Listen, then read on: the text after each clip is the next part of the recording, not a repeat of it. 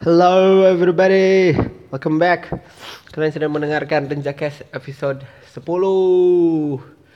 Ini perasaan gue tiap kali take vokal, take vokal. Maksudnya tiap kali recording podcast, uh, either pilek atau gimana ya, ada suara ingseruk. Eh, apa sih? Anjing ingseruk mah bahasa Sunda, bahasa Indonesianya apa sih? Eh, ya gitulah ya, sniffle sniffle gitu bahasa Inggrisnya. Ya well, tapi ini buat episode gue beneran sakit. Eh, so I'm sorry about this raspy voice and so whatnot but I think I can still talk right? Yes. Uh, so how how's your week gone? Gimana? Sudah enakan? Atau ada masalah apa? I don't Eh, ada yang seru-seru nggak di hidup lo semua? Tapi buat dibuat hidup gue ya it's pretty mundane. Tapi ya seperti kita obrolin sebelumnya ya sebenarnya nggak ada juga hidup yang mundane ya kan? Cuman memang slow slow pace aja nggak sih? Ini kayak udah mulai masuk musim hujan gue sebel aja.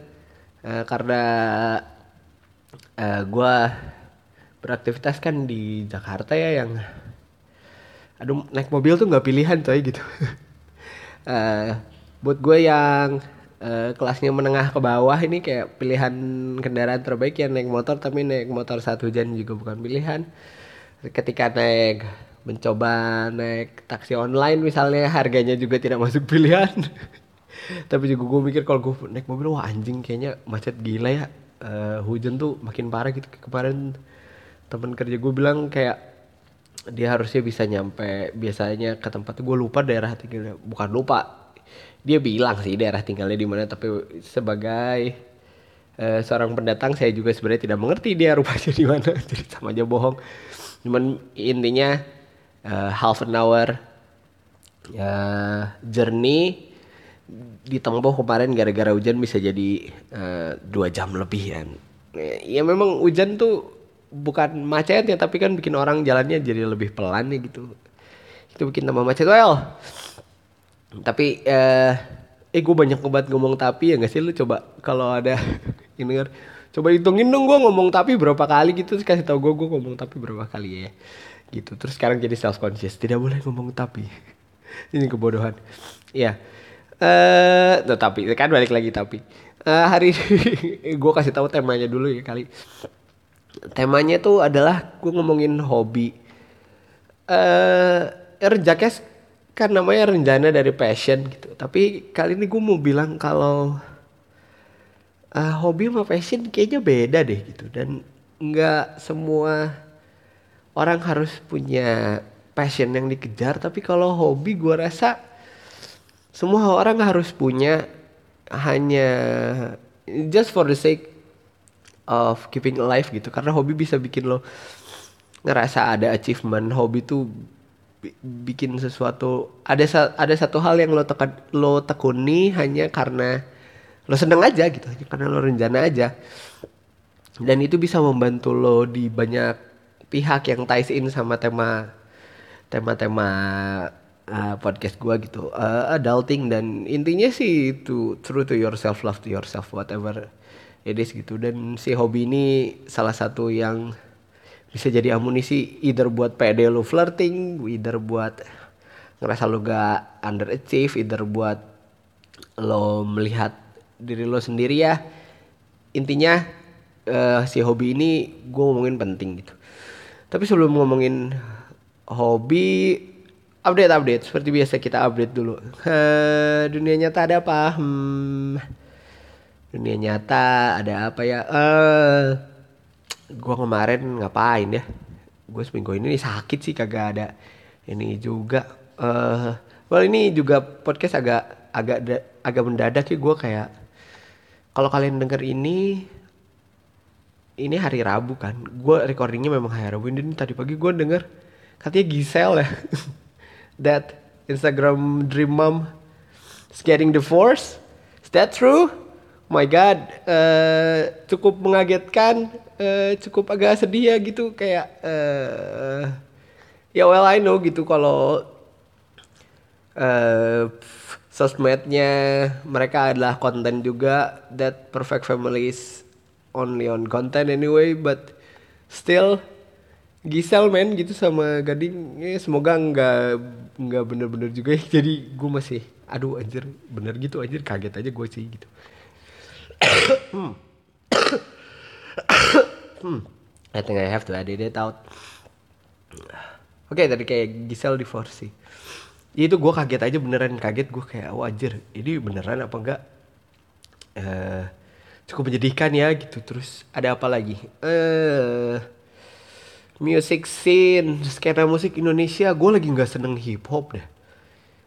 Uh, entah kenapa uh, ya gue gua ngerti kayak kemarin tuh kalau kalian yang dengerin yang ngikutin hip hop gitu uh, waktu Eminem sama MGK kemarin memulai lagi tradisi diss battle kasih diss track dan lain-lain gue gue sempat berpikir kayak anjing ini uh, bakal rembet nggak ya ke Indonesia gitu karena wave-nya akan sama.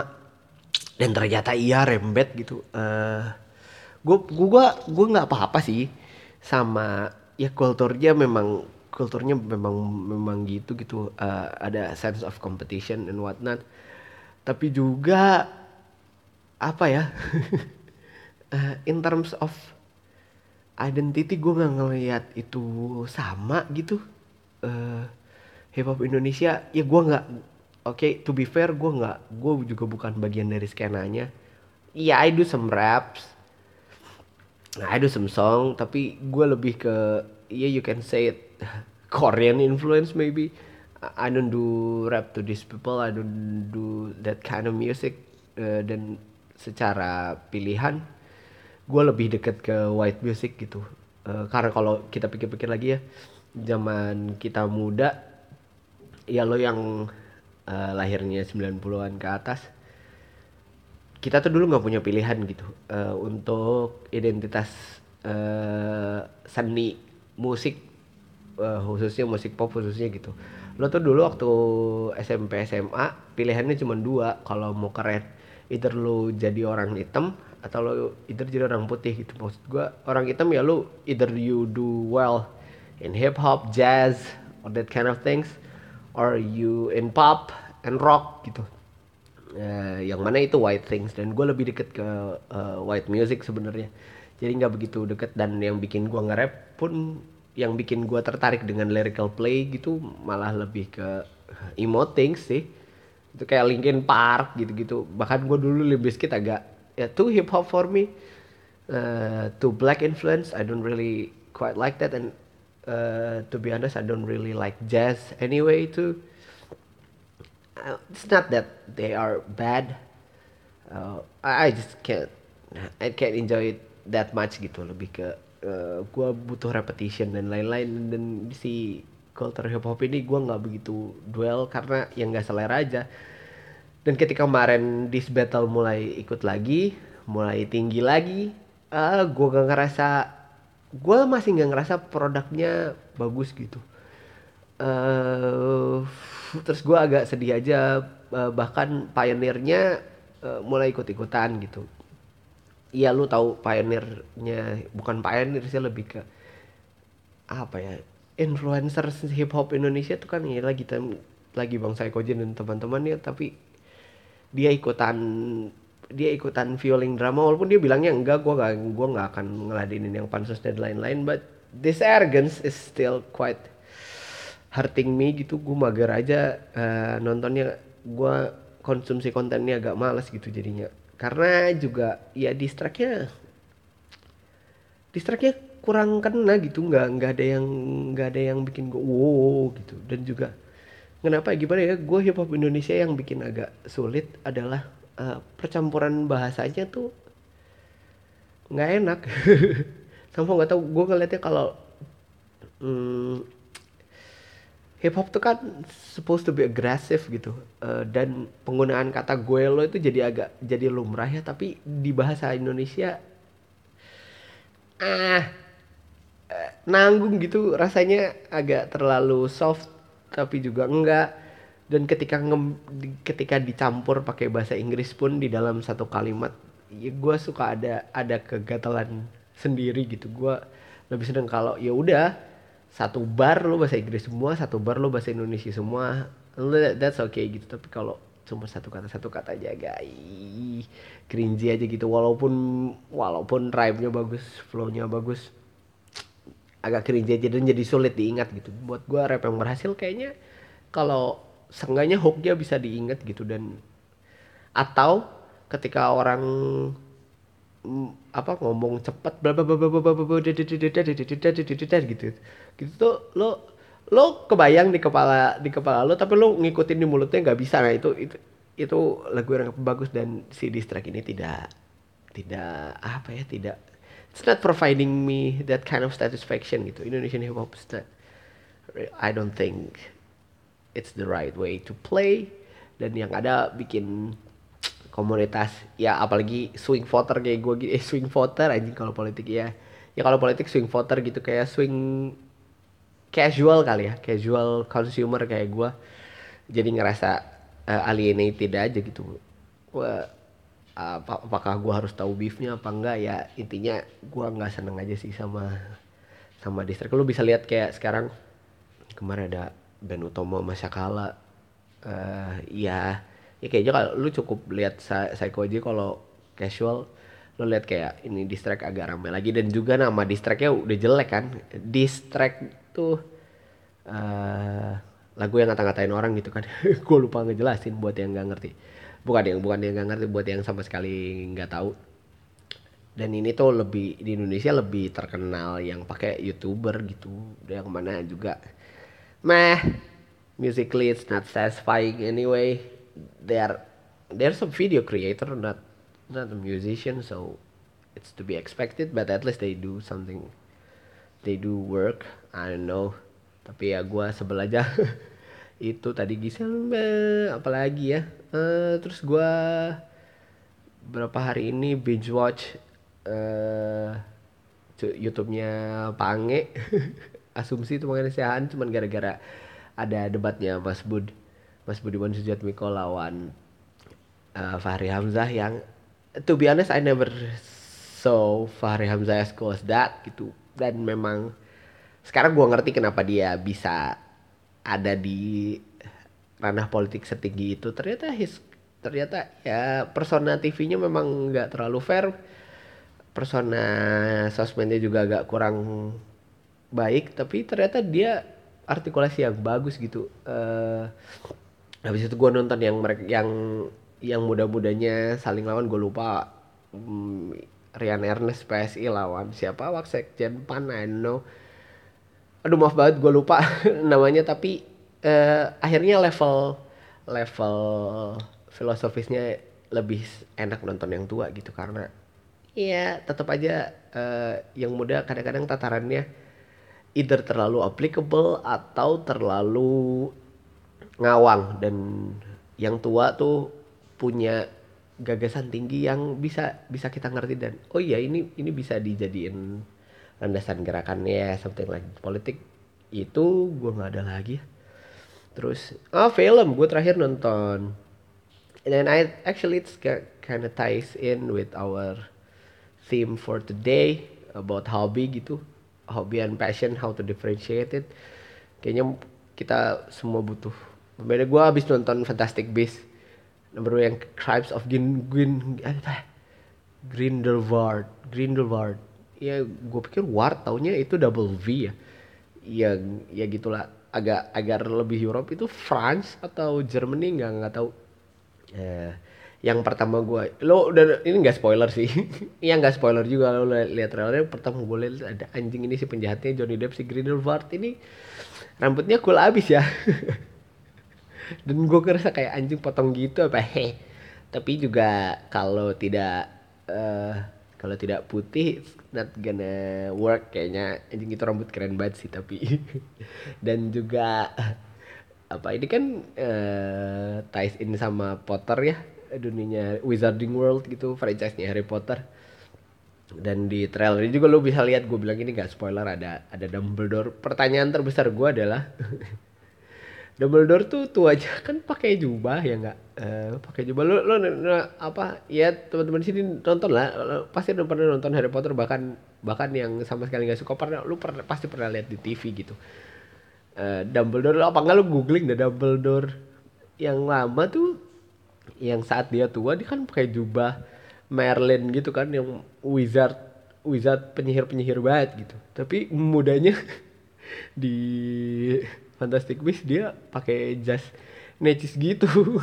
Pertanyaan gue tuh yang berubah bapak menjadi eh, pakai jubah ini gimana gitu? Fashionnya dari mana? Apakah bapak stres atau gimana gitu? Dari fashionable abis tiba-tiba berubah menjadi menjadi menjadi penyihir-penyihir bijak itu gimana gitu? Semoga diceritakan ya kenapa dia dia pakai jubah anjing itu aneh banget sih. Eh, sumpah itu itu itu aneh banget gitu. Eh, terus eh, ini a bit spoil. Ada di trailer gak sih? Bentar gue mikir. Oh ada ada di trailer. Eh, waktu Newt ketemu lihat Bogart Bogart tuh eh, apa makhluk yang eh, representing your biggest fear gitu. Eh, dan untuk untuk melawannya adalah dengan spell ridiculo yang bikin your biggest fear jadi stupid gitu jadi funny. Dan biggest fearnya Newt itu working on eh, working on the job desk gitu on an office. Dan terus kayak eh, well that's really apa namanya eh gua berasa terwakilkan gitu. Well that's so related gitu. Ya gue langsung lihat anjing itu kenapa eh, kayaknya apakah jangan-jangan gua juga kalau ketemu Bogart Bogartnya keluar jadi itu. Ye sih kayaknya biggest fear gua. Either that or snake I don't know. Gua gua takut banget sama gua takut ngeri sama ular sih.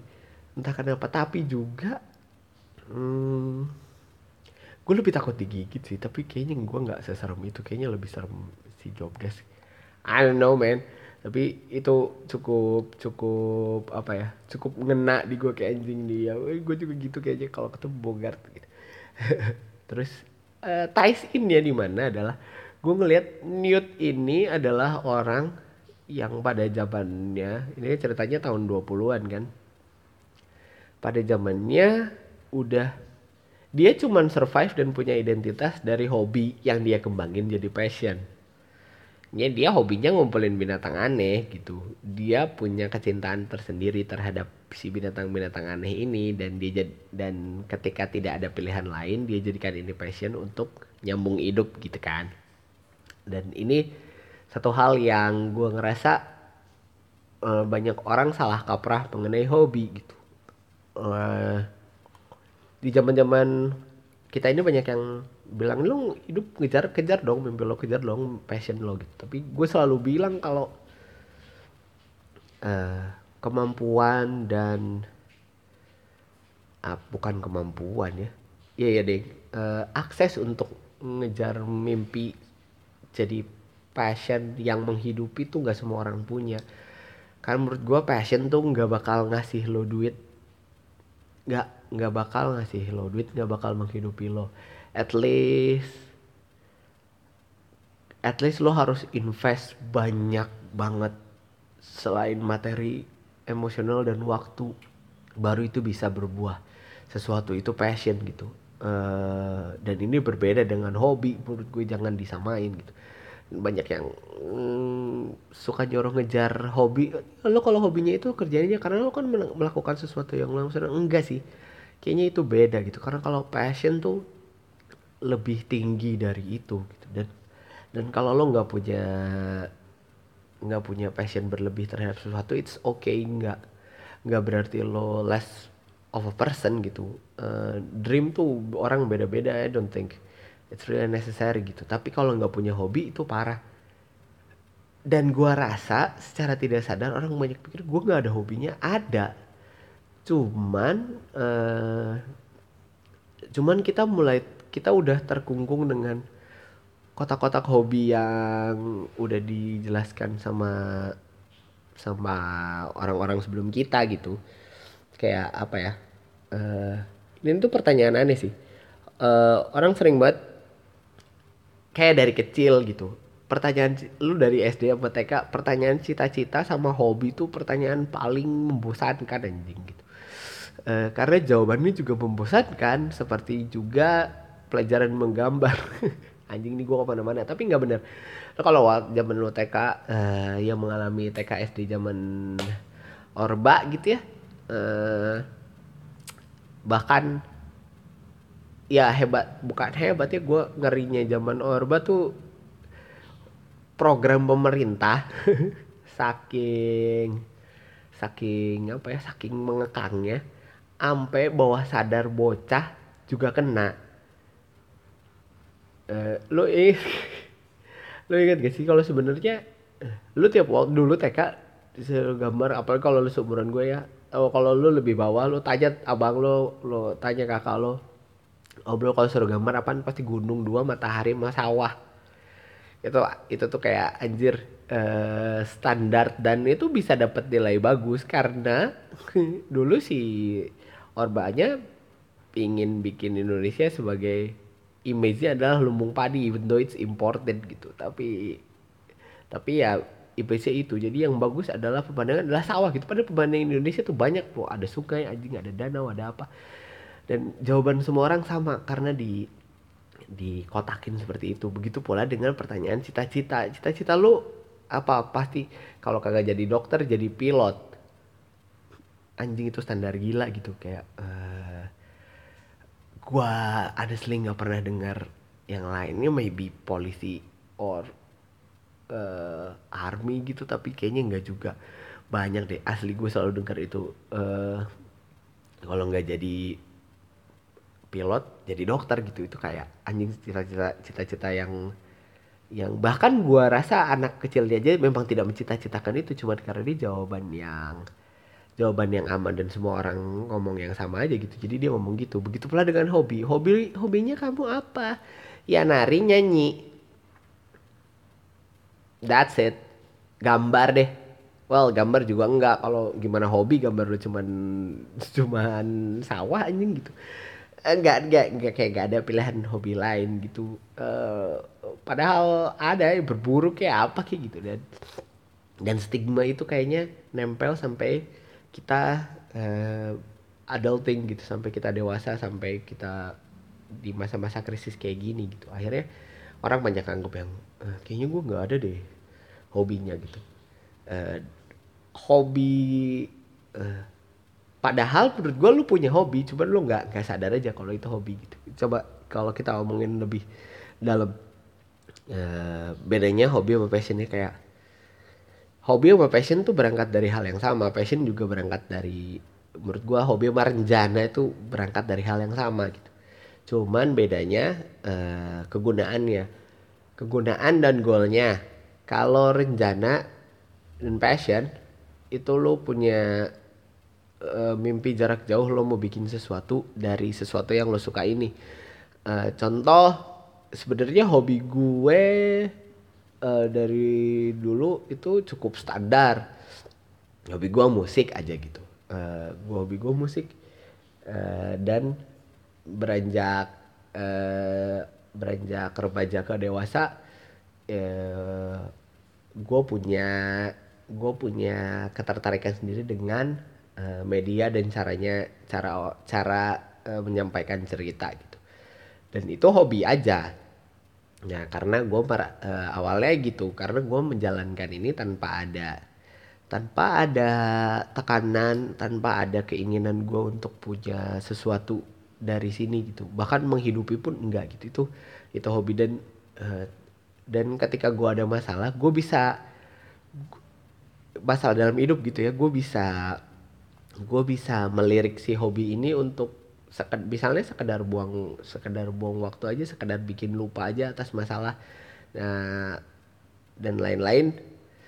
Tapi over time gue jadi ini gue jadiin musik dan si media ini jadi passion. Akhirnya gue punya goal tertentu yang gue akan achieve.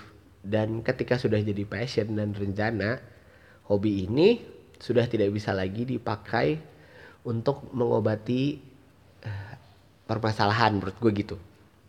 Dan sem dan dan hobi ini tuh eh sesuatu yang sebenarnya semua orang sudah punya dan cuman kurang di kurang ditekunin aja. Bahkan sebagai hobi nggak harus jadi rejanda gitu. Uh, terus eh gue gue kenapa ngomong ini? Karena uh, banyak temen deket gue yang nampak bingung dengan gue sebenarnya sukanya apa gitu. Dan ini ternyata nggak satu dua orang. Setelah gue ngobrol banyak sama orang gue banyak sama gue ternyata banyak loh yang mikir kayak ya jir gue uh, lo mah enak kalau ada masalah ada apa ke gue gitu ya. Lo lo mah enak artikel lo bisa articulate to other things gitu. Lo bisa ngomong di mana lo bisa bikin sesuatu di mana lo bisa ya lo bisa expressing itu gitu. Tapi uh, terus gue pikir lagi uh, itu tuh nggak terlalu nggak semua orang seneng untuk articulate dan membicarakan atau ngasih atau telling stories about their insecurities gitu. Nggak semua orang uh, punya kenyamanan yang sama dengan gue dan dan itu hal yang bagus gitu. Bah bahkan banyak banyak apa di banyak kesempatan justru kalian-kalian yang tidak expressing ini terlihat lebih kompos gitu daripada orang-orang yang ekspresi macam gue galau kelihatan marah kelihatan. Well marah nggak terlalu kelihatan. Ya kalau overly happy kelihatan uh, batas antara ekspresif dan annoyingnya tuh agak dekat gitu sedangkan kalian nggak pernah. Tapi yang gue yang gue uh, bila yang gua, yang gue sayangkan adalah pertanyaan karena gue nggak tahu gue hobinya apa. Padahal gue rasa kalian semua udah punya hobi gitu. Cuman uh, kalian merasa ini ini terlalu aneh untuk dijadikan hobi. Gue kasih tahu aja. Ini bertalian juga dengan episode-episode sebelumnya kalau di dunia kita sekarang itu nggak ada sesuatu hal yang aneh gitu. Dan ini juga berlaku untuk hobi. Heck lo jadi hobi ini uh, ini balik lagi masih putar-putar ke definisi tapi hobi ini sesuatu yang lo suka yang lo suka, yang lo konsumsi banyak, lo kerjakan banyak, dan over time lo bakal tahu, lo bakal menemukan pola-pola yang orang lain gak bisa temuin kalau nggak hobi atau nggak seneng. Itu hobi, apa pun bentuknya. Heck, misalnya lo sukanya apa ya, lo seneng bersih-bersih, lo seneng bersih-bersih ruangan misalnya. Terus over time lo jadi tahu kayak kayak oh ternyata kalau menyapu tuh harusnya dari sisi kiri kiri dalam ke kanan luar karena ini lebih bersih. Terus alatnya alatnya harusnya yang ini yang ini dan harusnya ya harusnya lu punya equipment gini-gini. Dan lu punya punya list belanjaan sendiri untuk untuk mempercepat si cara lu membersihkan ruangan misalnya itu tuh sebenarnya lu udah punya lu punya lu hobi bersih bersih gitu. Karena lu punya kesenangan di situ lu punya lu menemukan pola yang orang-orang nggak nemu itu udah hobi gitu. Itu udah itu tuh dari orang yang bilang yang bilang ini udah paling aneh gitu. Karena ya sama orang hobi masak juga kan gitu sebenarnya. Dia dia seneng dia melakukan itu berkali-kali sampai akhirnya dia nemu pola oh ternyata masak ini tuh garamnya segini lebih enak. Garamnya e, cabenya segini orang lebih suka. Tapi gue nggak begitu suka. Jadi gue coba akhirnya punya pattern pola sendiri. Dan juga habis itu setelah pattern dan polanya nemu pattern dan pola itu sama. Tolong aduh kamu hanya berusaha terlihat pintar ya. Maaf, maaf. Ya ketika polanya nemu lu juga beru, lu juga akan sedang bereksperimen. Itu tuh udah hobi Eh, jadi nggak ada lo nggak mungkin nggak punya hobi. Gue rasa lo punya sesuatu yang lo lo suka lo suka banget yang lo nemu pola baru yang lo nemu dan lo ingin eksperimen dengan hal itu tuh banyak. Bahkan misalnya lo hanya uh, nonton. Hobi lo hanya nonton misalnya. I don't know nonton segala macam drama misalnya. Lo gue sering lihat orang yang seneng nonton drama tuh punya punya pola sendiri gitu. Dia bisa ya, saking seringnya nonton saking, dan saking senengnya dia akan punya pola yang kayak hmm ini kalau awalnya gini endingnya gini. Uh, bahkan bisa dikategorikan misalnya per negara gitu. Kalau Jepang kayak gini kalau Korea gini dan jadinya knowledgeable gitu berarti lu udah hobi nonton. Udah gitu.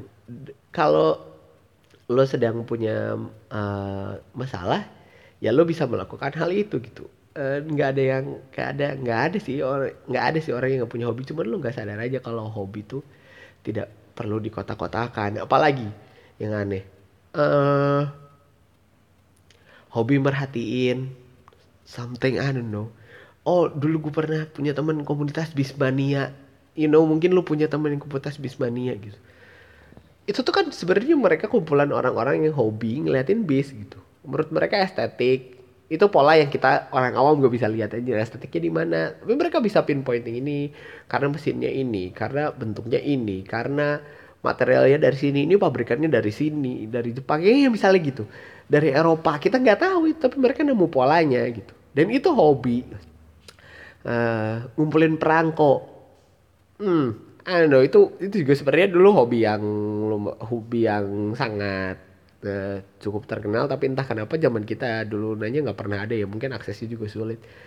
Bahkan lu hobi ngumpulin serangga pun itu bisa jadi hobi gitu. Maybe you're the next news commander I know. Tapi itu hobi gitu. Jadi tidak perlu di deny. Kayaknya gitu. Terus uh, kenapa ya lu nggak pikir itu hobi? Selain satu nggak masuk kotak-kotaknya yang kedua ya lu masih berasa kalau ini sesuatu yang aneh padahal enggak gitu. Ini juga bertalian ke sebelumnya. Gue selalu encouraging gue di di di Renjakes terutama gue adalah orang yang uh, pro digital digital teknologi information technology to be exact itu persisnya. Gue gue pernah bilang gue gak suka Black Mirror karena terlalu pesimistik menurut gue gue lebih suka uh, aduh anjing kemarin apa sih film yang nyari anak yang lewat Facebook tuh? Searching ya? Searching gak sih? Yang apa? Yang bapak-bapak ASEAN itu ya gue lupa. Eh, gue lebih sedang film itu gitu daripada Black Mirror yang dikit-dikit pesimistik sama sama teknologi kesannya merusak banget. Padahal enggak gitu. Ini in terms of hobi yang bikin ya in terms of hobi lo bisa lihat kayak dengan adanya sosmed lo bisa ngetik apa aja ternyata temen lo banyak gitu. Mungkin lo bisa nemu sesuatu yang yang shareable gitu. Kalau dari ini juga ya selain selain lo seneng ngerjainnya selain ini punya uh, selain lo bisa nemuin pola yang menyenangkan lo eksperimen yang ketiga adalah shareable. Kalau ada orang yang nge-share tips and triknya share apa pun itu dari dari suatu kegiatan itu udah hobi menurut gue. Kayak ini kita balik lagi kayak ini hobinya bersih bersih gitu. Hobi kok bersih bersih well it's okay gitu. Kalau lo ngelihat konten sekarang life hack uh, hack bersih bersih itu udah shareable gitu. Semua orang eh, banyak orang yang suka dengan hal itu ternyata. Banyak orang yang pingin membersihkan dengan cepat. I punya pola sendiri yang oh anjing ternyata gitu caranya. Uh, lo hobi ngelipat baju ternyata ada caranya yang lebih cepat lo hobi hobi makan ternyata ada cara makan yang lebih cepat gitu. Dan ini tuh mereka semua berawal dari hobi gitu. Dan hobi tuh gak nggak hanya nggak hanya dancing singing creating art or what not gitu. Semua ke kegiatan kalau punya efek healing mungkin itu bisa jadi hobi gitu. Dan jangan pernah lagi bilang kalau lo nggak punya hobi gitu. Kayaknya kayaknya itu itu agak itu menurut gua lo lo agak denial aja. Lo lo bisa lihat ke diri sendiri. Mungkin tidak tidak tidak sering lo lakukan karena permasalahan waktu dan lain-lain. Tapi sebenarnya lo punya hal yang lo senengin gitu. Si hobi ini akan selalu ada. Dan ketika lo embrace si hobi ini lo akan punya value baru tentang diri lo sendiri gitu. Ini ini bertalian dengan confidence juga. Uh, eh, gue ngerasa orang yang confident itu sering kali berangkat dari dia merasa tahu sedikit tahu at least sedikit lebih banyak daripada orang lain tentang satu hal spesifik. Tentang satu hal spesifik aja. Itu sudah cukup bikin orang pede gitu. Dan ketika lo ketika lo embracing uh, your hobby or what not sesuatu yang lo tahu lebih itu tuh bisa jadi bahan cerita yang bisa lo share dan ketika orang dan admit it it feels good when every when someone is listening to you closely gitu. Dan ketika lo ketika lo punya suatu value yang beda suatu value yang orang nggak kepikiran orang akan dengerinnya dengan lebih seksama gitu. Eh detik saat mereka diam mendengarkan adalah kepuasan tersendiri ya nggak sih? Lo akan lo akan lo akan sangat lo akan sangat punya boosted confidence yang wah anjing naik berapa level gua gak ngerti. Tapi itu tuh bisa lo dapatkan dari sesuatu yang lo anggap receh gitu. Lo lo ya tadi coba lo pikirin lo sebenarnya senengnya apa dan lo penumpukan hal-hal apa aja dari yang lo seneng. Even though itu cuman bebersih misalnya itu cuman bersih-bersih tapi ya lu punya satu hal yang shareable itu akan jadi jadi uh, boost confidence gitu. Dan ini bisa lo pakai di situasi awkward apa pun gitu. Uh, dengan ya dengan tentunya dengan penyampaian yang lebih jelas nggak sekonyong-konyong yang tiba-tiba eh gue nemu ini loh. Cara membersihkan kaca kaca hanya dengan memakai lem takol. Misalnya ya nggak gitu. Nggak nggak sekonyong-konyong juga. Tapi lu bisa mempergunakannya ketika ketika ketika sebuah pembicaraan nyaris mati lu bisa bragging about that and it's gonna make you little more confidence gitu. Uh, nggak ada nggak ada nggak ada hal yang tidak bisa di share gitu sih. Dan juga habis itu uh, gue juga mau bilang jangan sampai karena lo sebelumnya ngelihat hobi itu yang dikotak-kotakin orang yang hobi itu yang ini aja yang yang sudah socially accepted aja gitu misalnya.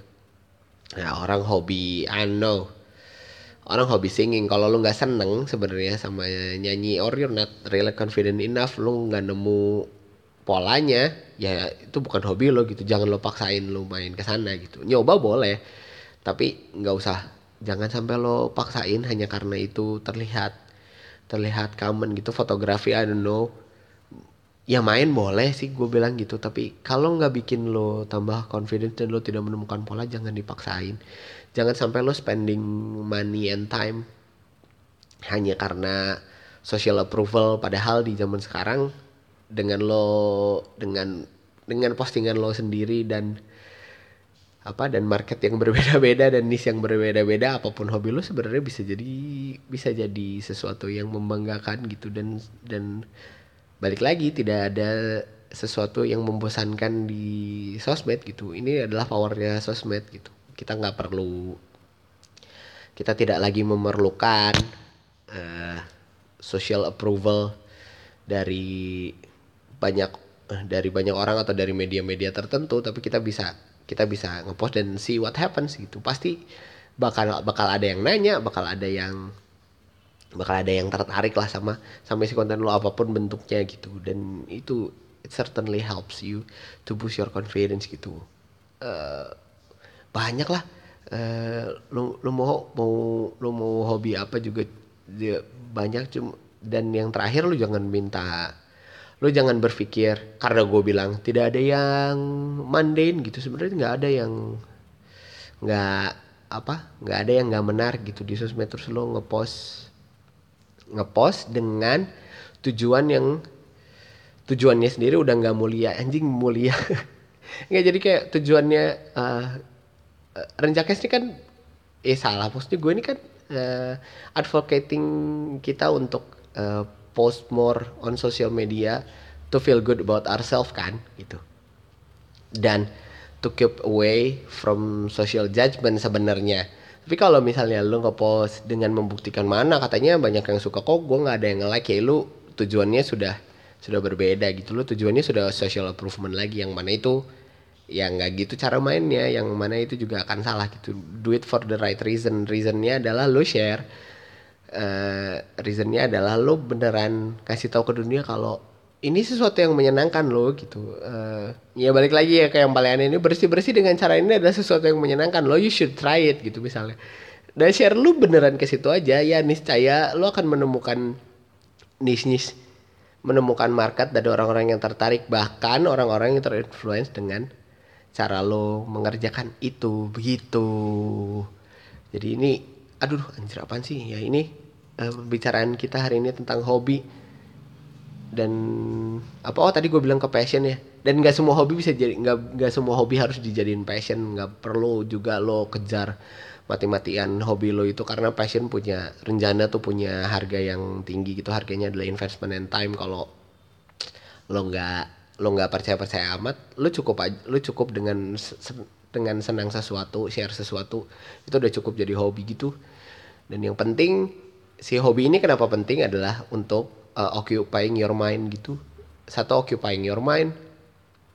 Kalau ya either lo ada masalah atau ada apa lo bisa sedikit lari dari masalah itu dengan ke hobi yang kedua. Karena kalau hobi lo beneran suka lo akan menemukan pattern dan pola. Lo akan punya sense of progress gitu. Ada achievement kayak oh gue mungkin di kerjaan gue stagnan mungkin di hidup gue stagnan tapi seenggaknya di daerah yang hobi ini oh ternyata bersih bersih bersih gue lebih cepat beres gitu. Uh, kayak oh ini ternyata jauh lebih bersih ternyata gue tahu hal yang baru. Itu punya sense of progression yang bisa bikin kita tetap waras sih.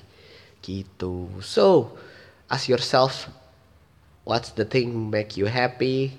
That might be your hobby. And then learn something about it, learn more about it, and do it more, share it more. Semoga ini bisa membantu melewati masa sulit. Terima kasih sudah mendengarkan. Gua cabut kalau ada apa-apa lo bisa uh, komen aja di Instagramnya ya Trenjakast. Terus juga kalau tentang musik ada di CB Prat kalau lo malu apa segala kontaknya semua ada di Instagram itu lo bisa teks gue lo bisa email gue lo bisa komen lo bisa DM bisa apa aja di situ sekali lagi terima kasih sudah mendengarkan. Semoga hidup kalian menyenangkan. So bye. Love ya all